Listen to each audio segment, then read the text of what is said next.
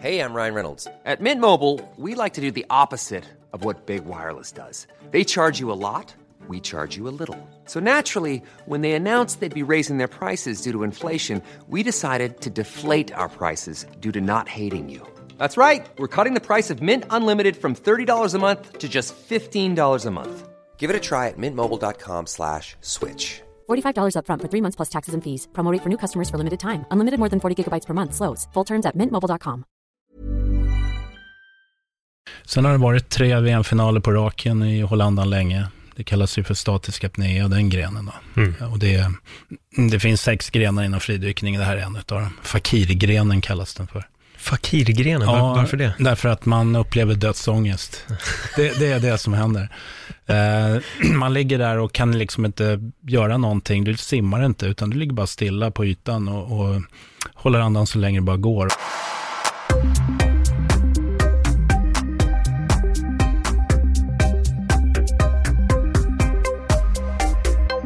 Ulf Däcksegen, välkommen till Öppet sinne. Ja, tack. Spännande. Jag snubblade över en, en podd där du pratade om lite hålla andan, ligga i vattnet och eh, inte bara hålla andan i några sekunder utan hur långt tid har du hållit andan som mest? Uh, nio minuter och elva sekunder. Det är jättenoga med att det är elva sekunder. Det får inte vara tio, utan nio och elva. Hur, hur gör man för att hålla andan så länge? Ja, det är väl världens enklaste sport. Man håller bara, tar ett djupt andetag, håller andan länge. Eh, och så får man ju hålla emot när, när lungorna vill ha luft. Liksom. Just det. Och, och det där är ju det, är ju det som är utmaningen i allting. Men på den här nivån så stoppar vi in lite mer luft än vad lungan egentligen tål. Vi kallar det för lungpackning, så att man, man sväljer ner luft helt enkelt i lungan. Och det, det kan vara farligt om man gör det på fel sätt. Det kan Mm. få sprickor i vävnaderna. Oj, så det är, det är inte bara att göra man? Nej, utan man, man får ta det över lång tid det där. Mm. Hur kom du in på det här? Hur, hur halkade du in på, på just det här? Fridykning. Ja, Ja, det var när min grabb fyllde 20, då, då visste jag inte vad jag skulle göra till present då. Ge pengar som vanligt, det var ju lite tråkigt så här, utan det var ett sätt att umgås lite grann. Så då hittade jag en kurs, eh, två och en halv dagars eh, fridykningskurs. Så vi åkte dit och sen vart jag hooked, verkligen mm. Eh, och ehm, när jag kom tillbaka till Stockholm så letade jag upp då eh, en fridykningsklubb där, Stockholm Apnea. Och så gick jag med där och så började det då liksom. Sen kom det ganska snart att en av killarna, han, eh, åh du är ju en talang på att hålla andan länge. Alltså jag höll andan i fem minuter eller något sånt där under kursen. Och jaha, ja det är väl jättebra då. Jag hade ju inga referenser, har man liksom. Nej. Så att eh, vi började då, och det gick ganska fort, vi kom väl upp på en sju minuter ganska tidigt där. Och eh, då menar han på, ah, men vi, vi, vi två gamla gubbar, vi ska träna i smyg här nu. Så, att, så kommer vi med till SM och sen blir, kommer vi med till VM. Nu blev det inte riktigt så, för han, han klarade inte av det liksom. Men jag fortsatte ju då. Sen, sen har det varit tre VM-finaler på raken i Hollandan länge. Det kallas ju för statisk apnea, den grenen då. Mm. Och det, det finns sex grenar inom fridykning, det här är en av dem. Fakirgrenen kallas den för. Fakirgrenen, var, varför det? Därför att man upplever dödsångest. Det, det är det som händer. Eh, man ligger där och kan liksom inte göra någonting. Du simmar inte, utan du ligger bara stilla på ytan och, och håller andan så länge det bara går. Och det där, eh, det är tre faser i det där. Man, först känns det jätte, jättelätt. Det, det är faktiskt så att man kan till och med somna när man, i den första fasen då. Den kanske är några minuter för, för många då. I mitt fall så gick den över ganska tidigt, efter bara två minuter så då, då gled jag ur den här sköna fasen. Och den sköna fasen är så lugn så att till och med nervsystemet slappnar av. Mm. Eh, och man är erfaren naturligtvis då, det är nybörjare, nybörjare liksom. Men, och sen glider man in i den andra fasen, då börjar kroppen vakna till liv och förstå att nu, här blir det ingen luft liksom. Uh, man är medveten, man glider ur lite det här eh, avslappningen, transläget då. Eh, och den, för min, min del var den ganska kort, den kanske bara varade någon minut. Och sen kommer man in i, nu, börjar det, nu måste vi börja kriga mentalt här och hålla emot liksom. Fast eh, allt, hela kroppen, hjärnan skriker dödssignaler hela tiden liksom. Och det där är relaterat till en blodtryckshöjning som är ganska kraftig. Det är, eh, när jag börjar så kanske jag har ett blodtryck på 125 genom 80 och det är standardblodtrycket Eh, normala blodtrycket. Eh, puls på, jag har en vilopuls på 60, jag kanske ligger på 90 när jag börjar. För man eh, pumpar upp sig med lite syre och så här. Men sen efter, ehm, några minuter så, alltså vi mätte upp någon gång på 6.50 eller 6.30 så var jag uppe i över 300 genom 180 och det är samma blodtryck vad jag har hört då som eh, tyngdlyftaren när de skickar upp stången på raka armar. De, de står där med i åtta sekunder för att få ett godkänt lyft då, men, men vi ligger, eller jag låg i flera minuter med det där. Mm. Och jag är helt vaken. Det är som att ramla ner och svimmat av en isvak i princip då. Eh, det är bara att jag är vaken och känner allting som händer där inne. då undrar man varför håller man på med det där? Och då är det givna svaret, jo för att det är kul. Det ska, ja, men det är det, vi gillar ju att utsätta oss för väldigt udda saker i, ja, men i livet. Jag, tänkte lite, jag började tänka på crossfit av någon anledning. Det är också så här, folk tränar ju ibland nästan så de tror att de ska dö och de säger alltid också, men dog du? Ja. Det, det, är lite det, och här är det ju verkligen, men dog du? Nej, jag överlevde den här gången, ja. så det var ju bra. Jag har en, en kompis som har tränat brasiliansk jiu på superelitnivå då, EM-medalj och så vidare. Och de, de pratade om spyhinken som de ställde i mitten på mattan. Och alla skulle spy i den, så hårt skulle de träna. Fridykning är inte sånt. Men. Nej, jag tror att ni vill undvika att kräkas när ni ligger i och försöker hålla andan. inte det bästa. Men vad, vad, vad, jag? Jag har ju provat lite, jag har hållit på själv lite med Wim Hof. Mm. Um, och där vet jag att uh, när jag har gjort den, den metoden, så min maxtid blev tre minuter. Och då var det inte som att jag direkt kämpade för att jag måste hålla andan i nio minuter. Jag var helt fascinerad bara jag kom över 60 sekunder. Så jag sa, oh jävlar. alltså. men, men jag vet att det fanns en instans, när jag gör det första gången så håller man andan och det är inget speciellt. Sen är det som du säger, det blir jobbigt. Men sen var det någonstans där runt två minuter för mig, så kändes det väldigt enkelt. Mm. Som att nu kan jag hålla andan hur länge som helst. Mm. Eh, vilken fas är det i, i det här? Det skulle jag nog påstå att det var väl eh, första eller andra fasen. Tredje, då, då vet du vad du sysslar med. Liksom. Mm. Det, då, är det, då är det kämpigt, verkligen. Liksom. Mm. Alltså det där, ja, Wim Hof är ju, det är väl ett lite annat syfte med hans mm. andningsövningar. Det handlar väl i, någonstans att dra igång adrenalinet för att alltså, få energi i kroppen. Medan mm. i fridykning så ska vi sänka ämnesomsättningen, syrenivåerna, Eh, vi ska ligga så länge som möjligt med, med en låg syrenivå i kroppen. Eh, och samtidigt så slåss vi med det höga blodtrycket och sen har vi koldioxidhalten ökar för vi släpper ju inte ut någonting. Eh, jag har ju bara provat någon sån här Wim Hof-övning där man i princip eldandas lite ungefär som mm. kundalini-yogan håller på med Precis. snabbt. Och, och, och, sen håller man andan en stund liksom. Och, jag vet inte, jag förstod inte riktigt syftet med men det, det, sånt där kan du bättre än mig. Då. Men jag har funderat mycket på det där, finns det, för det är många fridykare som, åh, Wim Hof, eh, han kanske har någonting som vi kan ta nytta av. Liksom. Mm. Men där är det, i fridykningen är det så att man vill, ha, man vill ha så mycket syre som möjligt i kroppen och man vill ha så hög koldioxidhalt som möjligt i kroppen. Och normalt sett är det där oförenligt. Därför att när du, om du ska pumpa dig full med syre, då måste du hyperventilera, det vill säga du andas mycket mer än vad du ska göra normalt sett. Men det innebär också att du andas ut koldioxiden. Så att eh, fyller man kroppen med jättemycket syre, ja då har du ingen koldioxidhalt kvar. Och koldioxidhalten är den som avgör när du faktiskt börjar andas. Du kan tuppa av på grund av för lite koldioxidhalt. Mm. Och då är det ett livsfarligt tillstånd om man ligger i vatten då. Så att, som det vill jag också tillägga, håller vi på med fridykning så gör man det aldrig ensam, utan det är alltid med någon som vet exakt vad som händer. Mm. Uh, till exempel, vi håller ju inte på med HLR, alltså hjärt-lungräddning och sådana saker, utan det finns mycket enklare metod som vi kallar för blue tap talk, där man, man får kicka igång andningsreflexen om någon har tuppat av genom att blåsa över näsan i princip då. Och, uh, för det sitter receptorer som känner av strömning. Och, eh, men, men det där vet ju inte badvakter och sånt där någonting om, utan de tror att man måste hålla på med HLR. Okay. Men hjärtat slår ju fortfarande. Liksom. Så mm. att, eh, det, där, eh, det är sådana här knep som man empiriskt har kommit fram till. Och vi, har, vi är väldigt mycket empiriskt i det hela med fridykning. Och det, och det kom ju egentligen i modern tid från den stora blå filmen. Liksom. Jag satt precis och tänkte ja. på den. Ja, men det, det, precis och det, det där, är, där hittade vi poesin i fridykning. Ja. Så när jag eh, är instruktör i fridykning då, så um, försöker jag förmedla det där att, att det, det är det det handlar om. Att det är en frihetskänsla som är enorm. Och faktiskt den, den enklaste mindfulness-teknik som finns. Därför att eh, så fort du kommer under vattnet, då försvinner alla andra tankar. Du är verkligen här och nu, mm. i din kropp. Liksom. Eh, den första fasen och kanske den andra fasen. Och sen är du jäkligt medveten om vad som händer. och då försöker du kämpa emot det. Men många, många som håller på med fridykning gör det för att det är en kul, skön grej. Eh, man kanske bara simmar 25 meter och sen vilar man lite och så fortsätter man 25 meter och håller på fram och tillbaka i en pool eller dyker 15-20 meter djupt i en sjö kanske då. Eh, men, men efteråt så är man ganska euforiskt. Eh, det, det är skithäftigt. Ja, för jag vet ju den, jag har inte gjort det där, men jag vet bara av att jobba med andningsövningar och bada kallt och utsätta sig för det x antal minuter och sen komma upp. Det är som att man har ett annat påslag resten av dagen. Mm.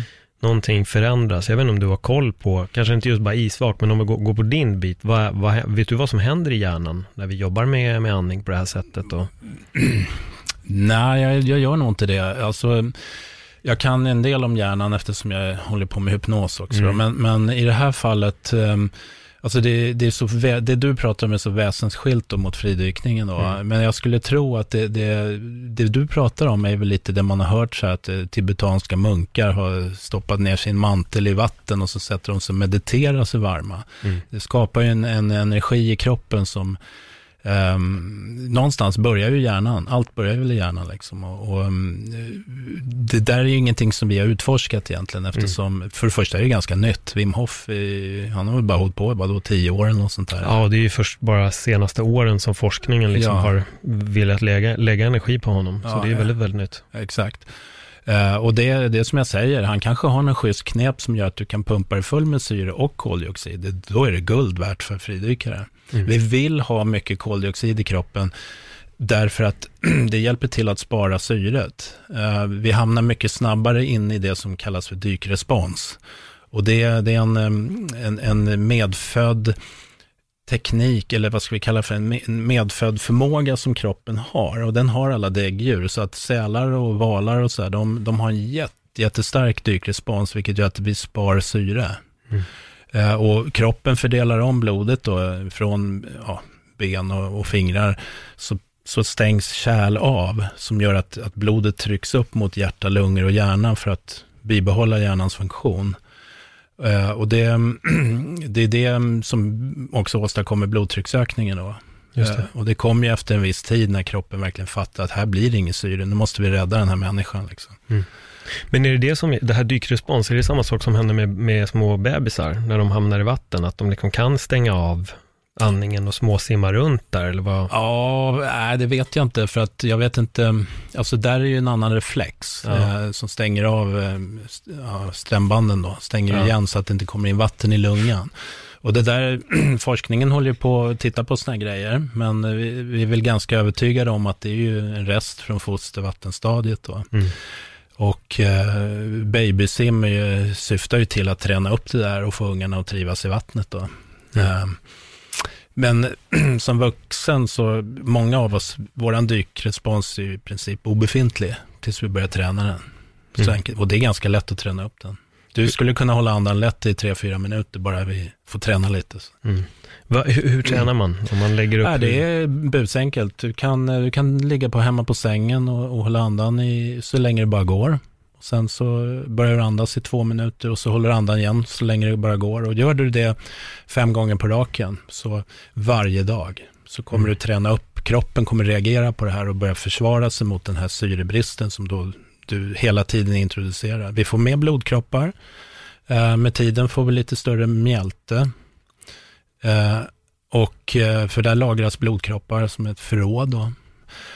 Sen kan vi förstärka den här dykresponsen genom att göra det här i vatten då blir det ännu mer effektivt. Och, eh, och det är det vi gör liksom, när vi tränar upp de här grejerna. Jag började ju som många andra hålla andan på land, liksom, men mm.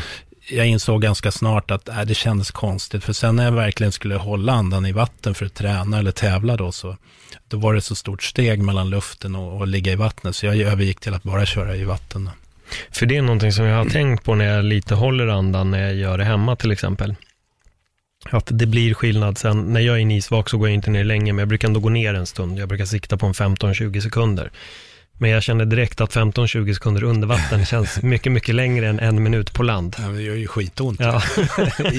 ja, jag tror jag höll andan på en leksakstävling. Vi hade något som vi kallar för Finnkampen för några, ett antal år sedan. Och då träffades Eh, vi från Sverige, landslaget och sen kom finska landslaget så träffades vi på neutral ort på Åland. Mm. Och där hade vi tävlingar då och eh, som en leksaksgrej så skulle vi hålla andan länge i en isvak då. Det är en minut, sen, sen skrek hela kroppen, jag klarar inte av mer. Jag gör ju avrundning, så jag försöker i alla fall bada fem minuter och sen, ah, okay. sen gå ner under. Ah. Men, det är, men, men det är någonting med, och då börjar jag undra också när jag är på land, är det så att jag ligger och småfuskar? Förstår du hur jag menar? Att jag ligger och kanske får in lite luft genom näsan eller munnen utan att jag är medveten om det? Nej, det tror jag inte. Det, det, borde du märka. Men um, det är bara att sätta en klädnypa över näsan så mm. har du tagit bort den och en, en tejpbit över munnen. Liksom. Just det. Plastpåse över huvudet kanske man inte ska göra, för då svimmar man där. Ja, då, svimmar man då, är det kört. Då är det kört. Men jag tänkte lite på just, för jag är väldigt eh, nyfiken på just olika andningsmetoder. Mm. Eh, och jag kan tänka mig att även just vad gäller det du gör då med, vad heter det, apné? Ja, statisk apné. Statisk apné, så var det. Hur ser en andningsmetod ut där för att utöva just, just det, om vi ser bara på land nu, under de säkraste omständigheterna, ligg på golvet eller på sängen. Hur, hur gör man? Alltså först eh, handlar det om att vara avslappnad så mycket som möjligt. eh, varenda muskel ska ju sova och glömma liksom. Och, och då gäller det att hitta en avslappningsmetod. Eh, för ju, ju, mer avslappnad du är, desto längre kommer du kunna hålla andan. För syret förbrukas inte lika snabbt som om du är spänd i kroppen. Så att fridykning handlar jättemycket om det. Det är 70 procent eh, ehm, avslappning och sen totalt 95 procent handlar om mental förberedelse och styrka. Liksom. Sen när man har slappnat av länge en stund och alla stresshormoner och allting är borta ur kroppen, om det nu är möjligt, det är inte säkert, va? men då, eh, ja, då håller vi andan en stund. Och då, då kommer vi hålla andan, vi tar ett djupt andetag, så håller vi andan till vi får första kontraktion som vi pratar om. Det är alltså när du får första andningsreflexen. Och alla får inte det, en av 20 får inte den, utan de bara upplever ett sug som ökar hela tiden. Men um, de flesta får en tydlig kontraktion, det rycker till i mellangärdet då. Och ehm, om vi fortsätter att hålla andan i kanske en minut till, då har vi pressat oss lite grann. Då har kroppen börjat fatta att det här är syrebrist på gång, nu måste vi mobilisera resurserna då. Den här dykresponsen börjar kicka in då, även om den är svag i början. Och sen eh, bestämmer man sig för, ja men nu börjar jag andas. Så att det kanske dyker, väntar på den här reflexen då, andningsreflexen. Och sen håller man andan i en minut till. Eller 30 sekunder, eller två minuter. Det, man får bestämma sig liksom, beroende på vilken nivå man ligger på. Och sen andas man i tre minuter, kanske fyra minuter. Och sen gör man en ny sån här anhållning till, till andningsreflexen igen. Och då kommer den rimligtvis, den perioden kommer vara längre innan du får nästa andningsreflex då, eh, omgång nummer två. Och den tredje gången du håller andan, eh, du andas, du håller andan till du får reflexen och sen så börjar du andas igen efter ytterligare en eller två minuter. Så att man, man liksom värmer upp på det sättet. Du håller andan en viss bestämd tid på något sätt och sen så andas du igen och sen håller du andan och så andas du igen. Och gör man det där två, tre, fyra, fem gånger så då förskjuter man den här punkten. Eh, du kan alltså hålla andan längre. Mm. Och sen brukar man avsluta med en maxning som vi kallar det för. Då håller andan så länge det bara går liksom. När du håller andan, är det med, då är det med alltså luft i lungorna va? Då är det luft. Det. Det, det. finns tekniker eller sätt där vi tränar med en halv lunga. Alltså du, du andas in och så släpper du ut passivt då. Uh, så att du har fortfarande luft kvar i lungan. Så finns det, det tillfällen när vi pumpar ur all luft i lungan och håller andan då också. Det är en mm. jättestark dykrespons som kickar in, men den kanske kommer efter en minut bara. Liksom. För det är Wim Hof lite, han är ute efter att man ska skicka ut all luft. Ah, okay. där, där blir det lite som så här skiljer Jag har ah. provat båda metoderna nämligen. Okay. Och det är ju såklart lättare att hålla med, ah. med, med, luft i lungorna. Eh, där, jag måste bara fråga, för jag, jag gjorde en Wim Hof-variant jag låg och andades väldigt, eller en andningsövning där jag bara låg och andades jättelänge och jag gjorde det här med att hålla andan och så. Jag tror att på tredje varvet så syresatte jag lungorna. Jag vet inte hur många andetag jag tog, men jag tror jag kom upp i allt mellan 70 och 90 djupa andetag. Men till slut så kunde jag inte ta fler andetag. Det sa stopp. Okay. Det sa helt stopp, så jag kunde inte inhalera någonting och jag låg och var superavslappnad och kände att jag kan inte andas. Och så tänkte jag, jag borde få panik här. Men jag fick inte panik. Okej, okay, så om jag förstod det rätt nu, så du, du låg och andades i 20 andetag. Mm. Och sen kom du till en punkt när du Ja, du, ja, jag behöver inte andas mer. Mm. Jag, jag, jag gjorde liksom Wim Hof, lite Wim Hof-sessionen då med att andas och när jag nådde typ 40 andetag släppte jag ut all luft och så höll jag andan. Ja, okej. Så gjorde jag varv. Mm. Men sen på sista så tänkte jag nu drabba in allt jag kan. Så jag började maxa det här och dra superdjupa andetag och då tror jag jag kom upp i 70 stycken andetag utan paus. Okej. Och där kände jag bara att kroppen sa bara, du får Mm. inte andas mer, Mm. stopp. Och så vet jag att jag ligger och känner att jag kunde inte ens, jag kunde dra in någonting. Och då slog tanken mig precis som jag kände, här borde jag få panik för jag kan inte andas. Men jag kände bara, men det är lugnt. Jag Du är ju full med syre. Ja, men, du, upplevde du inte att det började sticka i fingrarna och? Absolut. Ja, du, Ja, ja. Du, du, fingrar, tår, hela... ja, och det där, om du fortsatte i det läget, för vi har, vi har testat det där och vi, har ju, vi låg en hel timme och bara tokandades på det där sättet. Så att det, man mår ju illa till slut, för man är pumpad med syra. Mm. Och det, ja, det var fruktansvärt. Men det var också, vi gjorde det som en kontrastövning. Där vi, alltså vi är ute efter att få sänka syrenivåerna i kroppen så, och, och göra det så långsamt som möjligt för att kunna hålla långa tider. Eller dyka långt, eller dyka djupt för den delen. Och i det här fallet så var kontrasten att i princip göra tvärtom. Vi hyperventilerar galet liksom, bara för att känna hur känns det i kroppen? Hur reagerar den på att vara full med syre? Så att det, det är något, det var någon slags försök att Eh, känna, att lära kroppen att känna efter olika tillstånd. Därför att eh, det, som är farligt med fridykningen är att eh, om du kommer in i ett läge där du, där du tuppar av helt enkelt. Va? Du märker inte att nu är det dags att gå upp liksom, utan man blir bortbedövad mer och mer och hamnar med tunnelseende. Och en del reagerar inte på det där och, och då går de i väggen. Eh, Det är ju inget farligt när vi dyker tillsammans för att det finns alltid folk som har koll på det där liksom, och fiskar upp det i så fall. Och blåser som jag sa över näsan och så vaknar det till. Liksom. så det, det låter jättedramatiskt och det ser dramatiskt ut. Men, men eh, det, det, det är bra att lära känna hur fungerar min kropp och då kan man testa olika övningar. Sådär, men, Jag är bara lite nyfiken på just det här med att blåsa över näsan, för jag känner nu har vi lite möjligheten att eh, sprida det här budskapet Ja. till folk om Ja. de hamnar i en sån här situation. Så vad gör man om någon svimmar i vatten, bara av en naturlig svimning säger vi? Det, eh, för det första gäller det att konstatera att hjärtat slår. Mm. Har, är det puls fortfarande, det är bara det att de andas inte. då, då räcker det med det vi kallar för blow tap talk. Och det är alltså att blåsa över näsan och då pratar jag om att, att verkligen vara nära näsan. Det får inte vara en deci, två decimeter ifrån utan gå väldigt nära och så blåser man då så här. Och samtidigt så, det kallas för blow och så tap, tap är att man klappar lite på kinden. Och så, och så, och så talk då, Uffe vakna, andas, vakna, vakna, klappa, klappa och så här. Så att man, man, för det första som kommer tillbaka är hörseln. Den är, den är någonstans inte riktigt någonsin avstängd. Liksom. Men, men när, när vi då får in lite syremolekyler igen i hjärnan så kommer då, de, den här reflexen kommer gå igång och då första andetaget så då, då vaknar hela systemet tillbaka igen. Och, och blås den, är det liksom på nästippen eller i näsan? Ja, tänk eh, försöka få in eh, luft i näsborrarna. Liksom. Yes. Så när vi tränar sånt här kan det vara lite pinsamt då, för att vi är ingen avsvimmad, men vi ska ändå göra det. Och en del stinker vitlök kanske. Men det ka- kanske är en extra uppvaknande effekt också. Av Ja. Nej, men det, det, det, det blir så här, det är inga stilpoäng på något sätt, och, och, men, men det kommer funka när det händer. Liksom. Mm. Det är först när man är med om ett skarpt läge som man, som man faktiskt ser att det här funkar. Liksom.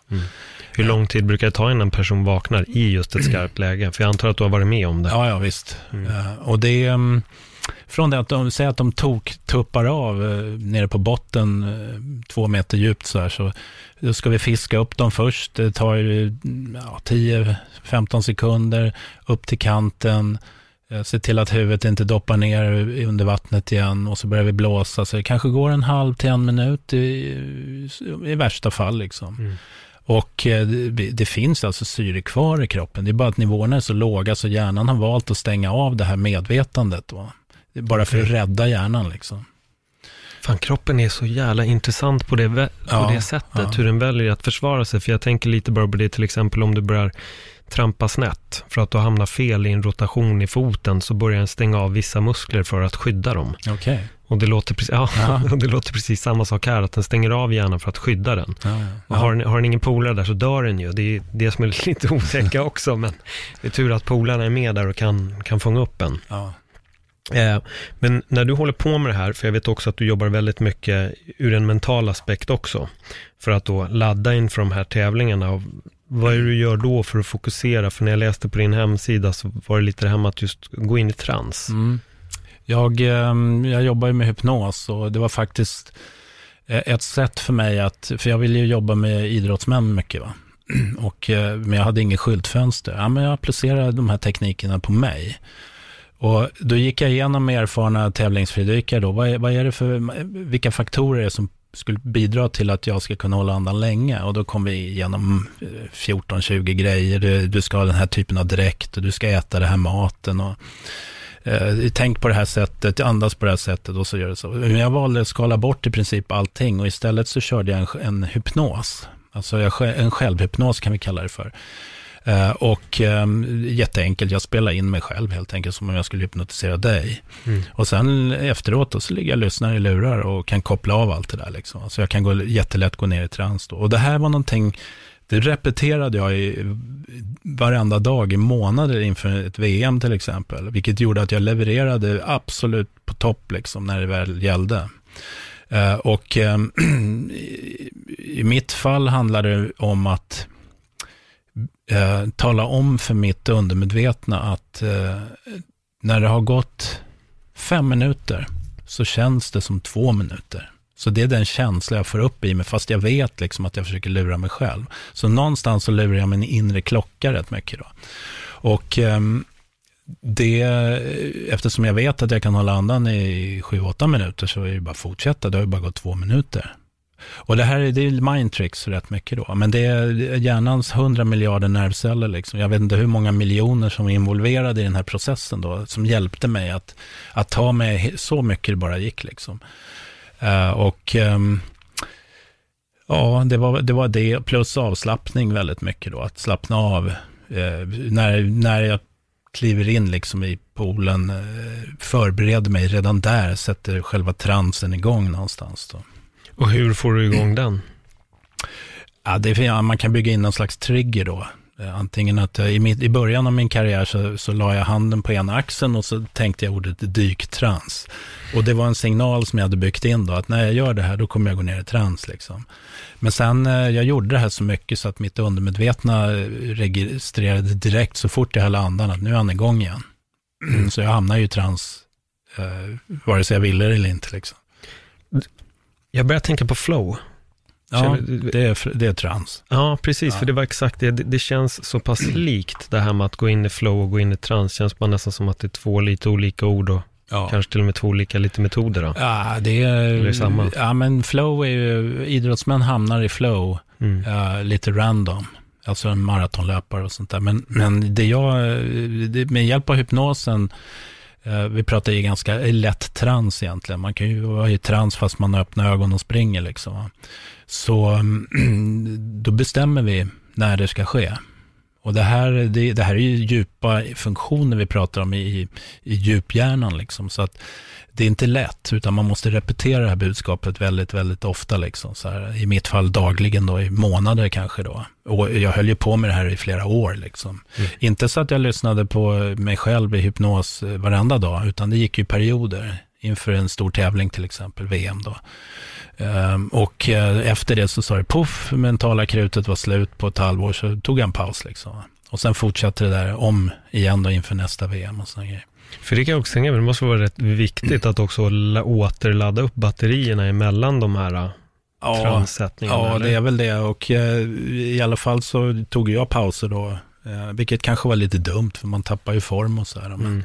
men det, jag kände att, jag, alltså det här är rätt tufft. Det är jävligt tufft för, för psyket och, och, och eh, så sju år senare så lägger man av liksom.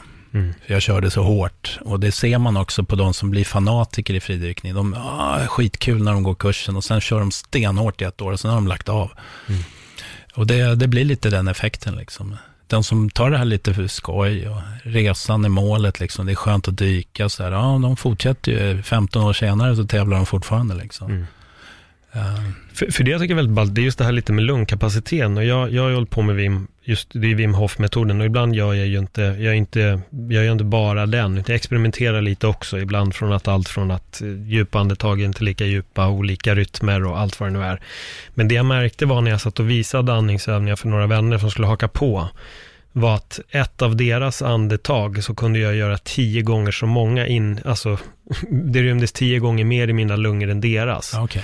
Och först då förstod jag väl att jävlar vad min lungkapacitet har gått upp. Mm. För det är också det man gör när man jobbar med andningsövningar.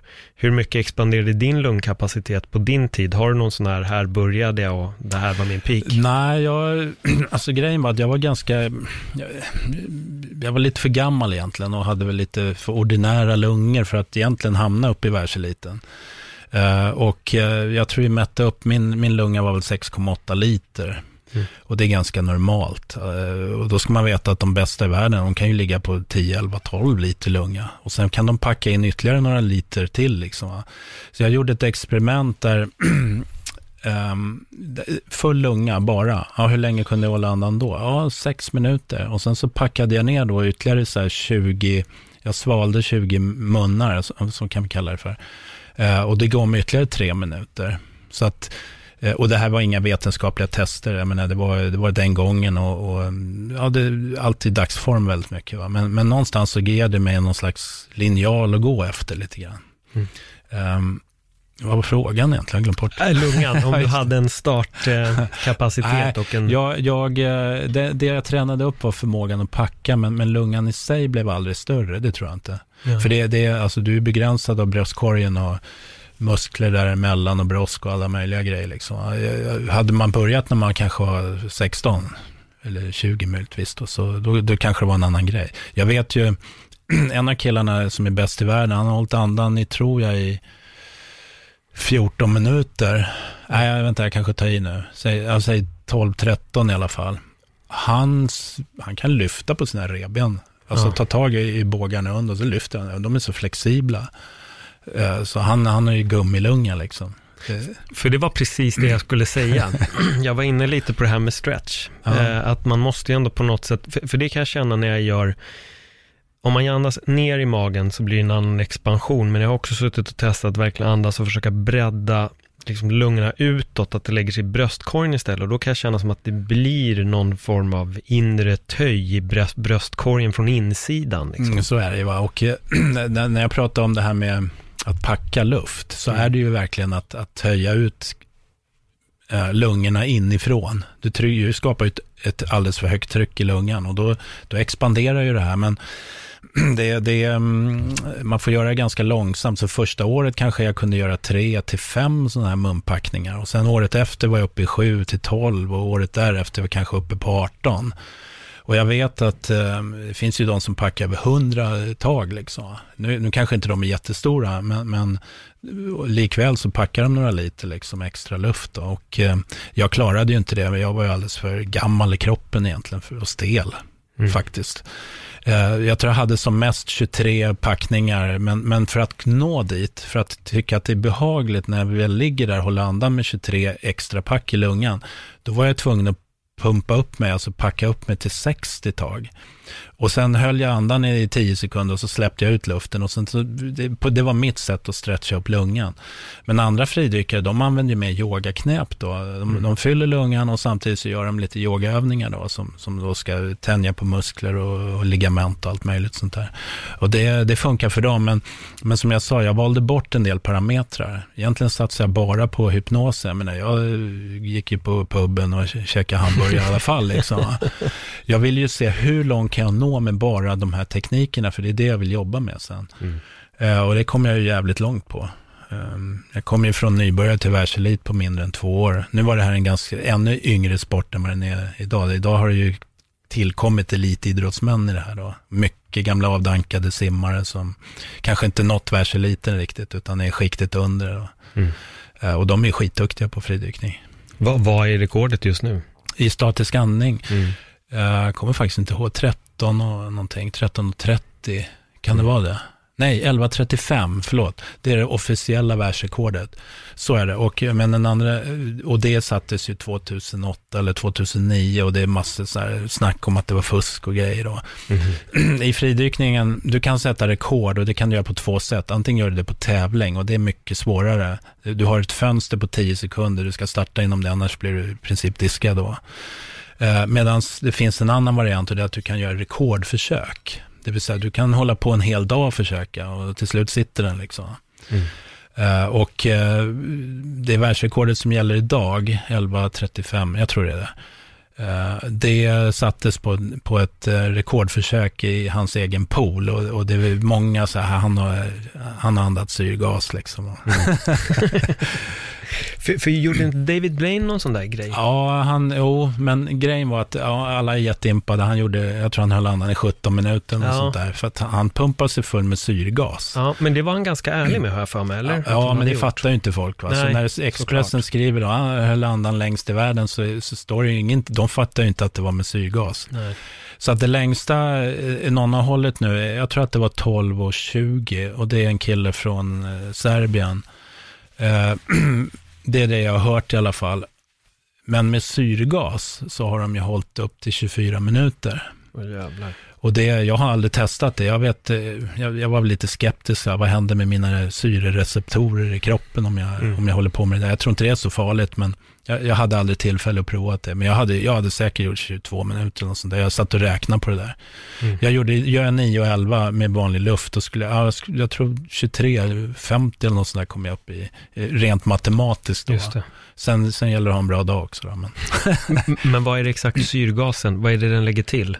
Ja, det är rent syre. I luften har du väl, jag vet inte, är det 17 procent syre bara? Här får du 100 mm. procent. Ja, okay. Så att det är, kroppen kan bara fortsätta liksom. Mm. Um, ja, det är galet. Men jag, jag, jag, är lite nyfiken på vad är skillnaden på de som liksom dyker djupt som fan? Är det en annan mm. typ av metod att jobba med för dem eller? Um, nej, men du får en faktor till och det är själva trycket också. Och trycket i sig bidrar till att ytterligare förstärka den här dykresponsen, då, dykfunktionen i kroppen. Så att om du har, vi säger så här, om jag har en vilopuls på 60 mm. Och dyker jag ner till, till 15-20 meter och hänger liksom på en lina på det djupet och bara hänger still och i princip mediterar den, då kan jag känna hur min puls kanske går ner till 25. Oj. Så hjärt, man känner verkligen hur hjärtat börjar slå långsammare och det är en ganska cool upplevelse faktiskt. Mm. Hur djupt har du gått? Nej, jag har varit nere på 50 som djupast då, men, men eh, djupdykning är inte min grej. Jag har svårt att tryckutjämna eh, ända ner då. Och sen, sen har jag en annan, jag tränade upp mig på att hålla andan på en väldigt brutal teknik. Eh, det vill säga, jag, jag gjorde inga uppvärmning, utan jag, jag fyllde lungan, packade luft och sen satte jag igång och maxade på det där. Och det är jäkligt jobbigt därför att det är som att, det är som att svimma och ramla ner i en isvak då. Det, det är mm. precis det som händer i kroppen. Att, och det har man ju hört att eh, barn har överlevt 20 minuter och sådana grejer.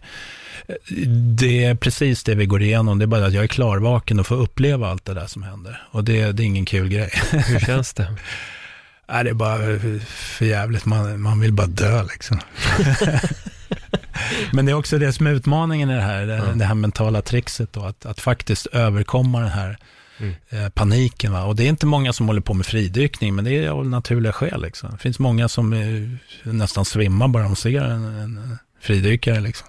ja, jag tycker det är riktigt, eh, alltså, nästan lite skrämmande när man ser det. Det är dels, alltså jag vet inte om djupet ska, det spelar ingen roll om man är nere fem meter, men nog bara att man vet att det är långt upp. Alltså ja. Jag tror det att fan när det blir, om det skiter sig, Ja, men det, är långt ner alltså. det är ju så här att, för det första när vi fridyker så är det väldigt sällan man bara dyker fritt. Mm.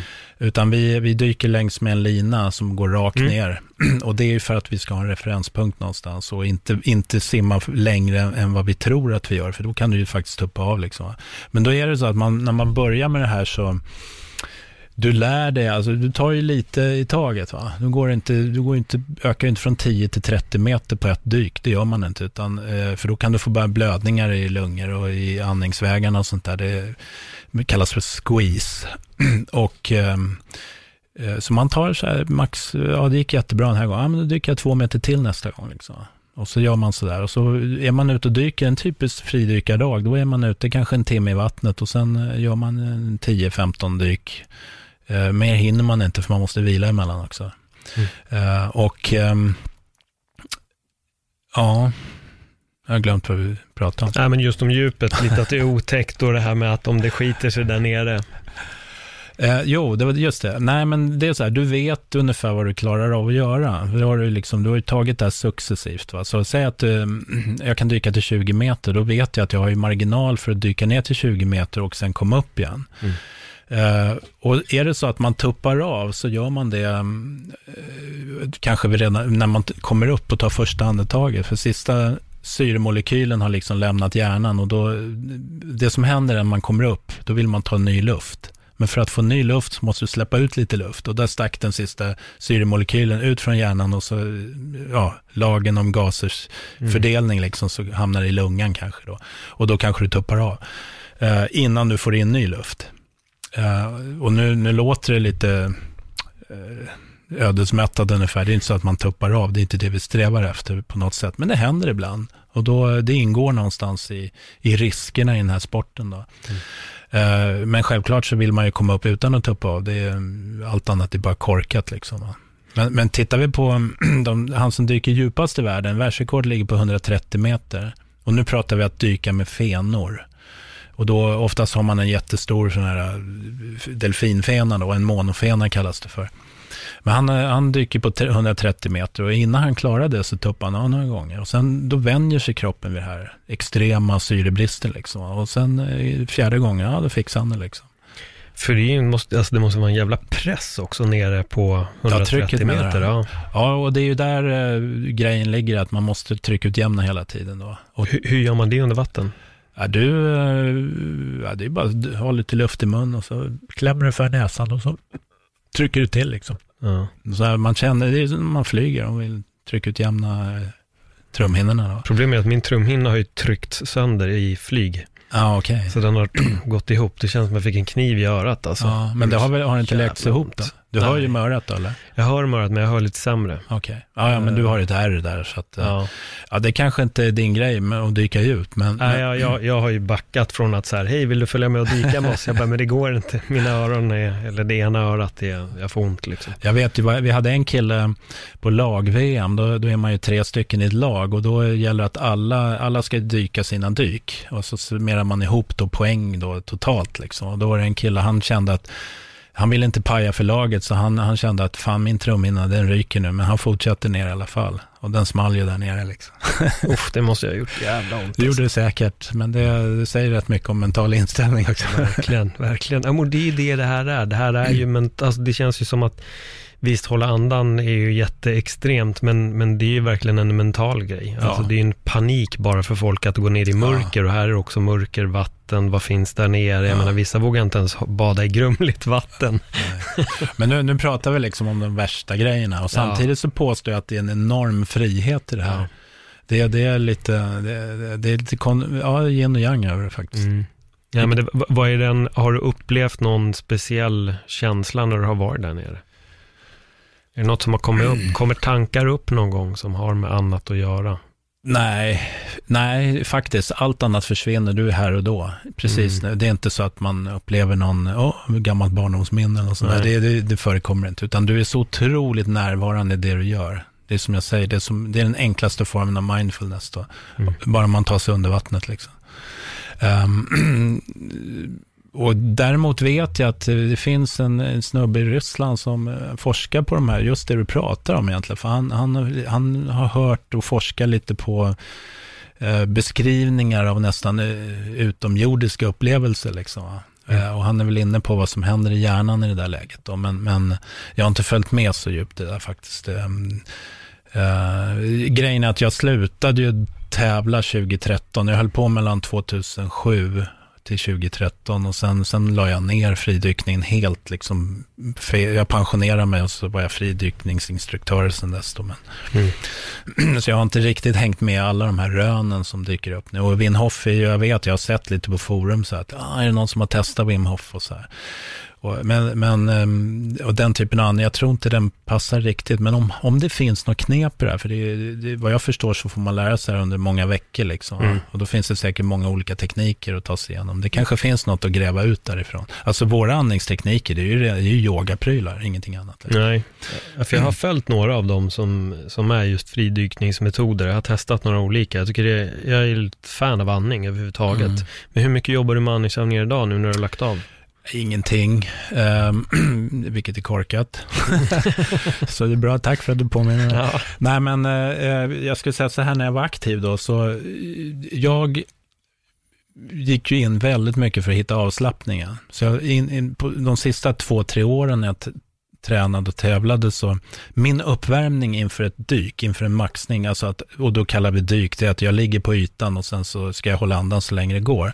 Det var att jag låg och flöt på rygg i 20 minuter och bara djupandades då, lugnt och stilla. Alltså jag kunde ju ta ett andetag på eh, uh, 85 sekunder. Uh, andas in och andas ut under 85 sekunder. Jävlar. Och det, då var det ju paus emellan naturligtvis då. Men, men det, alltså min kropp behövde inte mer andetag än så. Det där kunde jag ligga i, i 15 minuter ungefär. Jag somnade ju ibland. Mm. Men då var ju också varenda muskelfiber var ju helt avslappnad. Så min kropp behövde så lite syre som det bara gick att få till liksom. Och sen i det läget så då räknar man ju ner, nu är det dags att hålla andan, alltså mitt tävlingsdyk då, eller träningsdyk, så räknar man ju ner mot det vi kallar för en official top då. Så tre minuter till official top, nu är det två minuter, 30 sekunder, 15 sekunder och då börjar jag packa och ta mitt sista andetag liksom. Uh, så det var ju, man möter ju en deadline, som, som jag säger, jag har, sen har jag 10 sekunder på mig då och, mm. och liksom vända mig om och hålla andan. Um, ja. Fan, det är en speciell eh, gren. alltså det är så... vem, vem kom på det här? det kanske är tillsammans med springa 100 meter världens äldsta sport. Exakt. Alla, alla har hållit andan i badkaret någon gång. Vad sa folk när du började med det här? Och med din omgivning, familjen? Nej, de tänkte väl inte så mycket på det. Det var inget extremt på den tiden. Nej. Det är klart, sen eh, några följde med och tittade. Min grabb var ju med och, och var min säkerhetsdykare ofta. Liksom. Han var ju med och klockade mig på 9 och 11 då. Liksom. Uh, så att det är ganska lugnt då. Utan det är, ja, morsan kanske då. Hon, det, det, det, ska väl inte vara bra att hålla på med det där liksom. Så mm.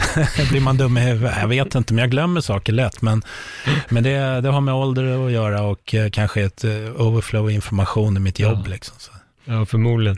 Jag, jag, jag, vill bara backa lite. Du var inne på det här lite med att folk rekommenderar mat och sånt. Mm, vad, vad är då säga, fridykningsmat? Ja, den, den, ska vara basisk eh, om jag förstår rätt. Det finns andra som är experter på det här. Men, mm. men um, basiskt uh, och mycket vegetariskt. Det, mm. det är vad många håller på med. Um, och sen finns det motsatsen också, eh, som käkar bara kött och det funkar bra också. Liksom. Mm. Det, alltså det är jättekonstigt. Det finns topp tränade elitidrottsmän och så finns det fetingar som har män med hängbröst ungefär. Liksom. Så det går inte att säga vem som är bäst lämpad. Så var det väl kanske, nu börjar det bli lite hårdare faktiskt. Nu, mm. nu börjar det bli lite elitidrottsmän, för det börjar bli lite pengar i det här på något sätt. Inte kanske direkt i vinstpengar, men sponsorpengar och kurser. Du, håller sådana här helgkurser eller veckokurser liksom och tjänar pengar på det. Mm. Så det, några, några kan faktiskt leva på det, men eh, jag har fått förfrågan om jag ska hålla sådana här clinics då, som det kallas för, men eh, till och med utomlands, de flyger ner mig och så vidare. Men jag, nej, jag vill brinna för det jag gör, så att mm. jag vill inte behöva prestera och sen så eh, funkar det inte för dem. För jag hade ju en väldigt extrem metod, jag jobbar med hypnos liksom. Mm. Det gör ju inte många andra. Eller? Nej, och, och, det är ju lite det du jobbar med idag också. Så jag tänkte att vi ska ta sista biten på den här podden, att ah, prata okay. lite med hypnos, att du får eh, mm. förklara lite, vad, vad innebär hypnos, om vi säger för dig själv när du jobbade med det, och sen hur du utövar det på andra människor? Mm. Uh, egentligen uh, exakt samma sak, samma sätt att göra. Det är bara det att mitt budskap var mitt personliga budskap. när jag jobbar med klienter, som jag kallar för, så eh, har ju de, de har ett behov av någonting. Det kan vara idrottsmän. Jag har jobbat med Björn Ferry bland annat och hjälpt honom med skyttet och så här. Um, men annars så handlar det om att folk är flygrädda, folk vill sluta röka, vill gå ner i vikt, har försökt, de har jojobantat i hela sitt vuxna liv.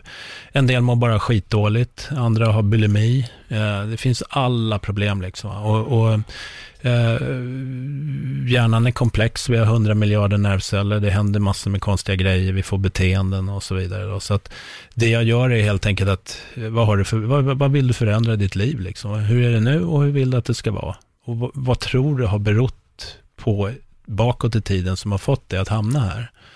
Eh, och har jag, har jag de svaren eh, så ja, då kan jag anpassa då ett individuellt session då för den här personen. Och det blir otroligt kraftfullt. Um, oftast så räcker en session liksom. För 19 av 20 eh, så behöver de inte komma tillbaka. Och då snackar vi svåra saker. Liksom. Kanske har haft bulimi i 20-30 år i princip dagligen, kräks upp sin mat. Va? Um, en session räcker i regel. Liksom. Men vad, vad, vad är det man, alltså vad, vad gör du? Ja, jag jobbar ju med, ja, bra fråga. alltså det, metoderna är jäkligt flummiga. Jag sitter ja. i princip och pratar i tre timmar under en session. Jag, eh, vi knackar på akupunkturpunkter.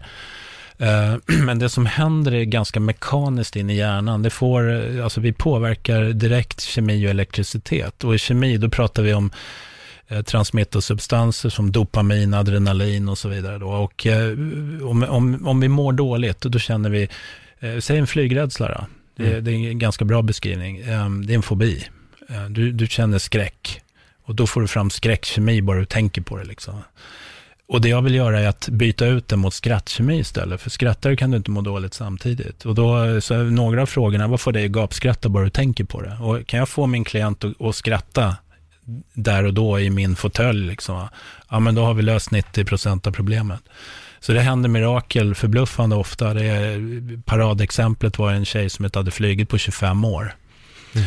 Och eh, hon hatade, alltså hon, hon mådde verkligen för bara hon tänkte på det. Och sen när hon gick därifrån så älskade hon att flyga. Hon fattade inte vad som hände. Liksom.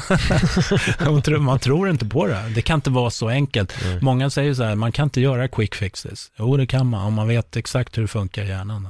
Mm.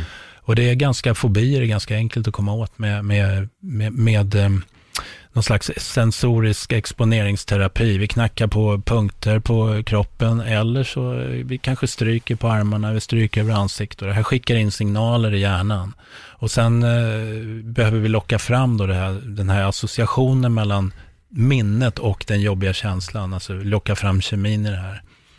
Eh, och då kan man bryta den associationen ganska enkelt. Så det eh, är, det är inte ovanligt att på bara 5-10 minuter så är det borta liksom. Var kommer de här rädslorna ifrån? Om vi säger till exempel en fly, flygrädsla, vet mm. man liksom varför ja, vi går runt med de här rädslorna? Ja, alltså det, det krävs eh, tre saker i, i, princip då, lite enkelt uttryckt. För det första måste du vara sänkt på något sätt. Du kan vara stressad eller sjuk, alltså din, hela din mentala organism är, är sänkt. Du har inte samma mentala motståndskraft. Och det, den andra parametern är att du, du upplever, alltså en känslomässig upplevelse av att nu dör jag liksom. Och den tredje saken är att jag kan inte ta mig härifrån. Och det är klassiskt i en flygstol liksom. Mm. Uh, nu dör jag. Nu, nu störtar vi liksom. Um, om de tre sammanfaller, då, då, går, då, då sätter det sig saker i amygdala i våra panikcentrum på en kemisk nivå. Som faktiskt är en hårdkodad superledning. För du ska, du ska aldrig mer in, in i den situationen. Det är det hjärnan säger till dig. Det är därför du mår dåligt då efterhand. Men eh, om du har ett normal liksom, mentalt motstånd, då, mm, då, då händer inte det där. Mm. Utan då, ja, jag kan flyga nästa gång. Det var jobbigt den gången, men inte nu liksom. Och vi vet ju hur, hur trauma kodas i hjärnan. Det, då, jag uttryckte det här väldigt kortfattat nu då, men det händer ju massor med processer med kaliumjoner och nat, kalciumjoner och kanaler med i synapser och så. Eh, och enzymer är inblandat och det är receptorer som blir fastlåsta liksom. Um, känner man till hur det där funkar så vet man också hur man ska lösa upp det där. Och det, det, metoderna är som sagt flummiga, men det är skitenkelt egentligen. Sen, sen, är det ett hantverk också. Att ju, ju, mer jag jobbar med det här, desto duktigare blir man på det också. Hur länge har du jobbat med det? Sen eh, 2007 eller 2008, jag kommer inte ihåg riktigt. Var det fridykningen som gjorde att du kom in på det här eller var det hypnosen redan? Nej, hypnosen var innan. Uh, väl, eller ja, det var lite tidigare. Jag mådde dåligt i livet och mm. så sökte jag terapi och det första som dök upp var, ja men hypnos, ja men det måste vi testa liksom. och då, då gick jag fem gånger hos en kille och, och jag, det hjälpte mig, men jag, och jag wow, det här var skithäftigt. Det är jäkligt coolt att befinna sig i trans. Alltså. Mm. Uh, så att jag, ja men hur, hur lär man sig det här liksom? Ja men du kan gå en kurs här. Och så börjar det så. Mm. Så de första åren, det här var ännu tidigare, det måste ha varit 2005 var det, just det. Och um, då kör man på kompisar och kompisars kompisar och så här. Det vart en gång i månaden eller någonting. Va? Och sen efter flera år så, men fan, nu är jag så bra så nu kan jag hjälpa andra med det här och ta lite betalt för det också.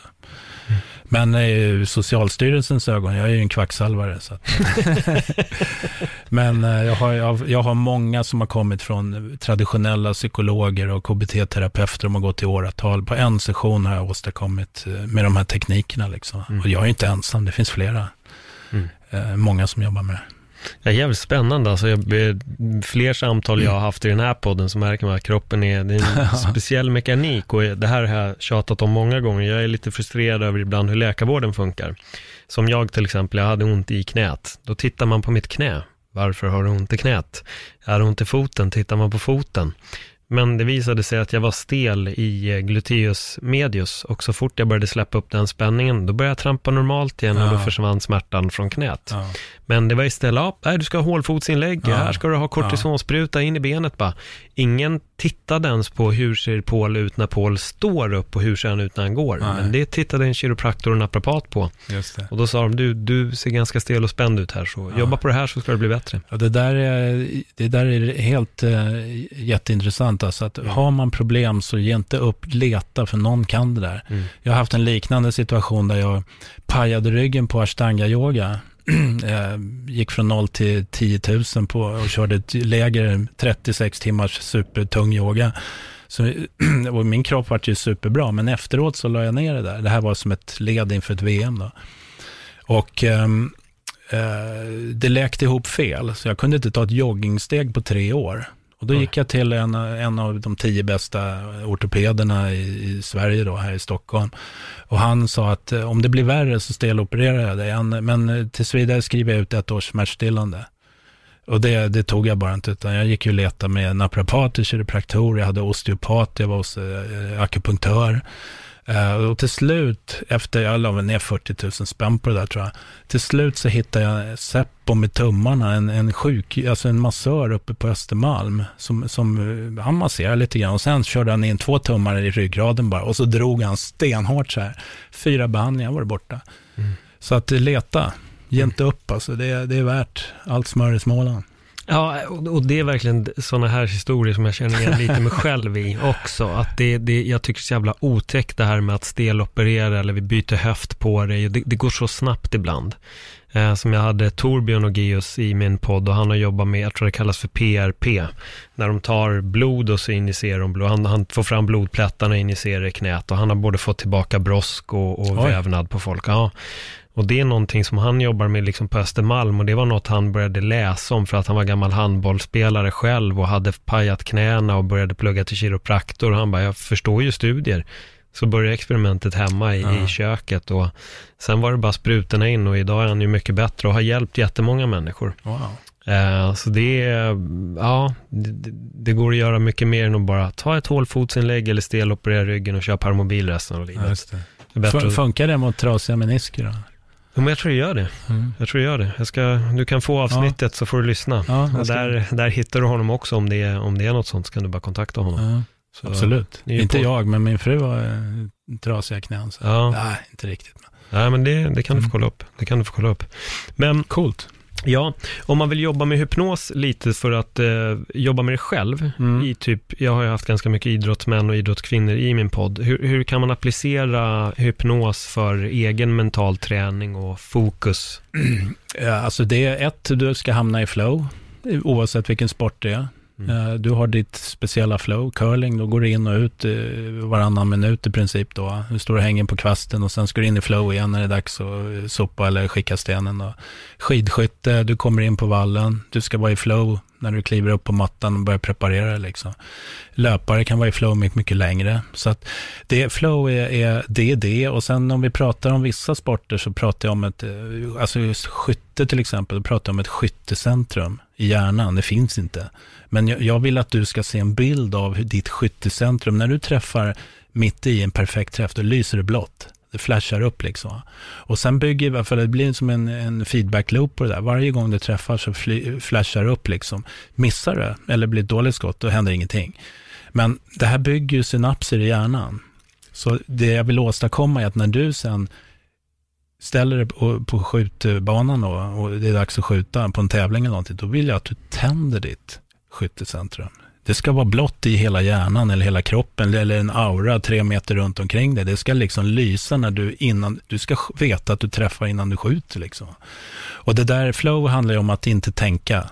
För tänker du då stör du liksom lillhjärnan och alla de här processerna, utan låt kroppen sköta det där själv. I princip är det här budskapet i alla sporter och i den hypnosen som jag ger. Sen lägger jag ju till väldigt mycket. Mm. Alla klienter har ju någonstans sina egna svar inom sig själva. Det är bara att de fattar inte det än. Liksom. Nej, just det. Uh, men jobbar du mycket med idrott, men också just i den här, ur den mentala aspekten? Ja, ja, ja. Det är ju det är bara det jag gör. Liksom. Okay. det, mm. den träningen och teknik och sånt där, det sköter de själva. Liksom. Mm. Självklart, det kan inte jag skit om. Men, men eh, det har ju mycket så här golffrossa, alltså det här puttfrossa, det kallas för gips. Mm. Och det drabbar ju de som hållit på ett tag och, och får prestationsångest. Och då, då liksom helt plötsligt så händer det någon muskelspasm så här när de ska sätta den där putten liksom. Och då um, går det åt helskotta liksom. Och, och, de kan inte kontrollera det där. Uh, och likadant inom darten, då finns det dartitis. Då, när vi släpper pilen så fastnar det till lite grann och så går pilen lite fel då liksom. Alla de där sporterna har en och liknande då. Mm. Så att det, ja, det är häftiga grejer. Ja, det låter jättespännande. Och du kommer för avslutningsvis få ge, har du någon hemsida ifall folk vill få tag på dig? Hur, ah, okay. hur bär man sig åt då? då? Eh, den heter dexologic.se, men man kan googla på idrottshypnos, då hittar man nog mig högst upp tror jag. Mm. Eh, ett enda ord, idrottshypnos. Ja. Jag kommer länka till båda, båda de här hemsidorna, så till er som har lyssnat på podden kan ni bara klicka på bion så kommer ni hitta det. Så hittar ni Ulf Däckstegen där. Mm. Du fann superspännande samtal. Alltså det, det, det känns som att det är egentligen nästan två olika poddar med dig. En är eh, andning och eh, hålla andan jättelänge. Den ena handlar om syre, den andra handlar om, om hypnos. Superintressant att, du har fått, eller att jag har fått gräva lite i de här ämnena med dig. Jag ska hem och andas ännu mer. Gör det. ja. Återigen, tack för ett jättebra samtal. Ja, tack själv, det var kul. Mm, tackar. Och till er som eh, gillar podden, ja, får jättegärna dela den på era sociala medier. Tills nästa gång, ha det jättebra. Hej då!